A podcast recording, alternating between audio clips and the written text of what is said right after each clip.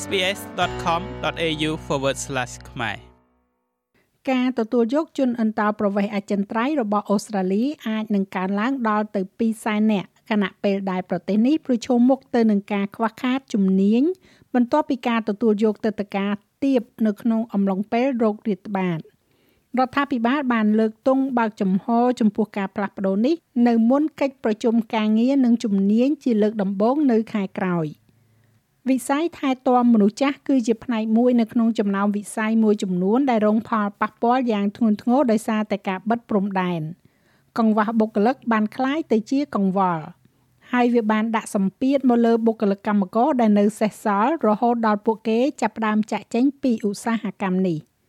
ចំនួននៃការចាក់ចេញពិតប្រាកដនៃបុគ្គលិកកម្មករដែលធ្វើការហត់នឿយខ្លាំងពេកត្រូវបានពន្យល់ដោយនាយកប្រតិបត្តិនៃក្រុមហ៊ុន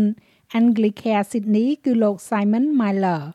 There's been a report recently that there's around 60មានរបាយការណ៍ថ្មីថ្មីនេះថាមានបុគ្គលិកកម្មករប្រហែលជា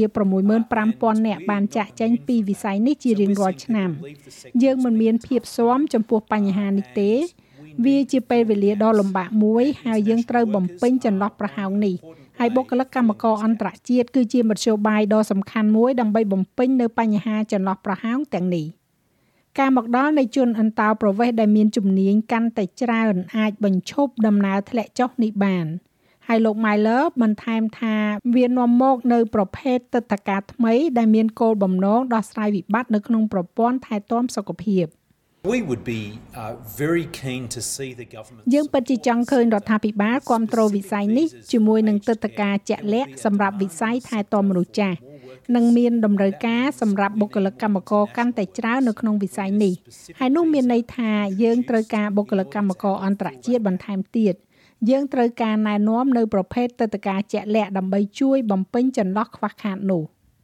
រដ្ឋាភិបាលហាក់ដូចជាកំពុងតែពិចារណាអំពីការកើនឡើងនៅចំនួនកំណត់ជនអន្តោប្រវេសន៍នេះនិងពិភាក្សាអំពីតួលេខរហូតដល់ទៅ2សែនកន្លែង។ រដ្ឋមន្ត្រីក្រសួងជំនាញនិងការបណ្ដុះបណ្ដាលលោក Brendan O'Connor និយាយអំពីការបដិញ្ញាចិត្តនេះដើម្បីដោះស្រាយបញ្ហាកង្វះកម្លាំងពលកម្ម We're open to making sure we យើងបើកចំហនៅក្នុងការធ្វើឲ្យប្រកាសថាយើងផ្គត់ផ្គង់កម្លាំងពលកម្មនិងជំនាញនៅក្នុងប្រទេសនេះតាមពិតយោងទៅតាមអង្គការសម្រាប់កិច្ចសហប្រតិបត្តិការសេដ្ឋកិច្ចនិងអភិវឌ្ឍ OECD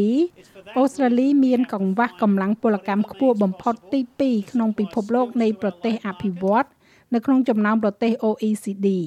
ដូច្នេះហើយយើងត្រូវតែស្វែងរកមធ្យោបាយណាដែលអាចធ្វើទៅបានដើម្បីផ្ដល់ជំនាញដល់ទីផ្សារការងាររបស់យើងនៅមុនពេលមានរោគរាតត្បាតការធ្វើអន្តោប្រវេសន៍ត្រូវបានកំណត់ត្រឹម190,000កន្លែង ដែលតួលេខនេះបានធ្លាក់ចុះនៅឆ្នាំ2019ធ្លាក់មកនៅត្រឹម160,000កន្លែងវានៅតែស្ថិតនៅក្នុងកម្រិតកំណត់នេះតាំងពីពេលនោះមកនេះមិនគិតពីការធ្វើអន្តោប្រវេសន៍សុទ្ធនោះទេ ដែលវាជាចំនួនជនចំណាក់ស្រុកដែលចូលមកដកនឹងចំនួនបុគ្គលិកកម្មករដែលចាក់ចេញពីប្រទេសនេះហើយនៅក្នុងអំឡុងពេលរោគរាតត្បាតឆ្លង ការធ្វើអន្តោប្រវេសន៍សុទ្ធដែលបានចូលមកក្នុងប្រទេសអូស្ត្រាលីនេះគឺមានចំនួនអវិជ្ជមាន។ លោក Brendan O'Connor សង្កត់ធ្ងន់ទៅលើសារៈសំខាន់នៅក្នុងការដែលមិនត្រឹមតែតេទៀងបុគ្គលិកកម្មករជំនាញថ្មី នៅក្នុងប្រទេសអូស្ត្រាលីប៉ុណ្ណោះទេប៉ុន្តែថែមទាំងរក្សាអ្នកដែលមានស្រាប់នៅទីនេះផងដែរ។ two things one obviously allowing people to come into the មានរឿងពីរទី1ជាក់ស្ដែងគឺអនុញ្ញាតឲ្យមនុស្សចូលមកក្នុងប្រទេសនេះដោយសារការខ្វះខាតជំនាញយ៉ាងធ្ងន់ធ្ងររបស់ពួកគេ និងទី2ផ្ដល់ជូនអ្នកកាន់ទឹកតការបណ្ដោះអាសន្ននៅផ្លូវឆ្ពោះទៅកាន់សិទ្ធិស្នាក់នៅជាអចិន្ត្រៃយ៍ដែលផ្ដល់ឲ្យពួកគេនៅឱកាសមួយស្ថានភាពរបស់ពលករចំណាក់ស្រុកនិងអ្នកដែលកាន់ទឹកតការបណ្ដោះអាសន្នគឺជាកង្វល់សម្រាប់សហជីព ដែលតាមឃ្លាំមើលការធានាថាបុគ្គលិកកម្មករអន្តរជាតិមិនត្រូវបានកាត់បន្ថយទៅជាជំរើសដែលចំណាយប្រាក់ឈ្នួលទាបជាងកម្មករក្នុងស្រុកនោះទេលោកស្រី Michelle O'Neil នៃក្រុមប្រឹក្សាសហជីពអូស្ត្រាលីពន្យល់ The first thing we have to check is whether there's really a skills shortage or whether រឿងដំបូងដែលយើងត្រូវពិនិត្យមើលគឺថាតើវាជាកង្វះជំនាញឬថាតើវាជាកង្វះការងារដែលមានប្រាក់ឈ្នួលនិងលក្ខខណ្ឌសមរម្យជារឿយៗនយោជកអះអាងថាខ្វះកម្មករប៉ុន្តែតាមពិតដោយដែលយើងដឹង យើងឃើញមានកម្មករបណ្ដោះអាសន្នជាច្រើនត្រូវបានកេងប្រវ័ញ្ចនិងមិនទទួលបាននូវប្រាក់ឈ្នួលនិងលក្ខខណ្ឌដែលគួរតែត្រូវបាននៅក្នុងប្រទេសអូស្ត្រាលីនោះទេ។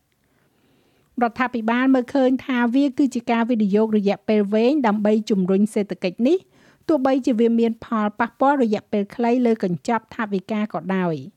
នៅខែក្រោយរដ្ឋាភិបាលអូស្ត្រាលីនឹងរៀបចំកិច្ចប្រជុំកំពូលការងារនិងជំនាញដែលចំនួនកំណត់នៅក្នុងការទទួលយកបុគ្គលិកកម្មករចំណាក់ស្រុកនេះនឹងក្លាយទៅជាចំណុចសំខាន់មួយដែលត្រូវបានលើកឡើងសមាជិកប្រសិទ្ធិលោកស្រី Barbara Pocock បានបញ្ជាក់ថាគណៈបករបស់លោកស្រីគឺគណៈបក Green នឹងចូលរួមហើយនឹងរួមចំណែកនៅក្នុងកិច្ចប្រជុំនេះ Adam Band and I are delighted to be in លោក Adam Band និងខ្ញុំពិតជារីករាយដែលត្រូវបានអញ្ជើញឲ្យចូលរួមនៅក្នុងកិច្ចប្រជុំកម្ពុជាការងារនិងជំនាញនេះជាទីដែលយើងមានគម្រោងដាក់បញ្ចូលគំនិតរបស់យើងទៅកាន់សហគមន៍អំពីរបៀបធ្វើឲ្យប្រសើរឡើងនៃជីវិតរបស់បុគ្គលិកកម្មករអូស្ត្រាលី។ មេដឹកនាំបកប្រឆាំងលោក Peter Dutton គឺជាមេដឹកនាំគណៈបកតែម្នាក់គត់ដែលបានបដិសេធមិនចូលរួមនៅក្នុងកិច្ចប្រជុំកំពូលនេះដោយនិយាយថាលោកយល់ឃើញថាសន្និសីទនេះគឺគ្មានប្រយោជន៍គណៈបក National បានឆ្លើយតបទៅនឹងការសម្រេចចិត្តរបស់លោក Dutton ដោយគ្រប់គ្រងទស្សនៈរបស់ដៃគូបកចម្រុះរបស់លោកប៉ុន្តែមេដឹកនាំបក National គឺលោក David Little Prau បានសន្យាថាទោះជាយ៉ាងណាលោកនឹងបង្ហាញវត្តមាននៅក្នុងកិច្ចប្រជុំកំពូលនោះ We're two different parties. We're in coalition.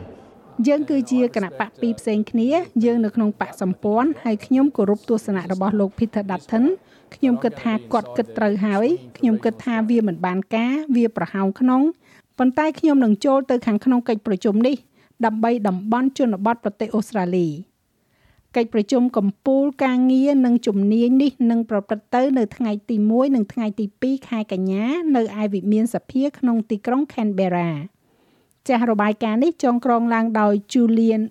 EA សម្រាប់ SBS News និងប្រាយសម្រួលសម្រាប់ការផ្សាយរបស់ SBS ខ្មែរដោយនាងខ្ញុំហៃសុផារ៉ានីចូលចិត្តអ្វីដែលអ្នកស្ដាប់នេះទេ Subscribe SBS ខ្មែរនៅលើ Podcast Player ដែលលោកអ្នកចូលចិត្ត